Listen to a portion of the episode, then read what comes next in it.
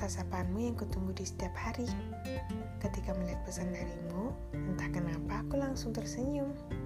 Alam bawah sadarku seperti memintaku melakukannya. Kamu tahu gak sih, aku sudah begitu nyaman denganmu. Berawal dari kamu yang suka menceritakan duniamu kepadaku. Ini hal baru yang belum aku temui. Aku suka mendengarmu bercerita tentang duniamu itu. Dari sana, aku juga jadi senang bercerita denganmu tentangku. Terima kasih sudah menyembuhkan lukaku.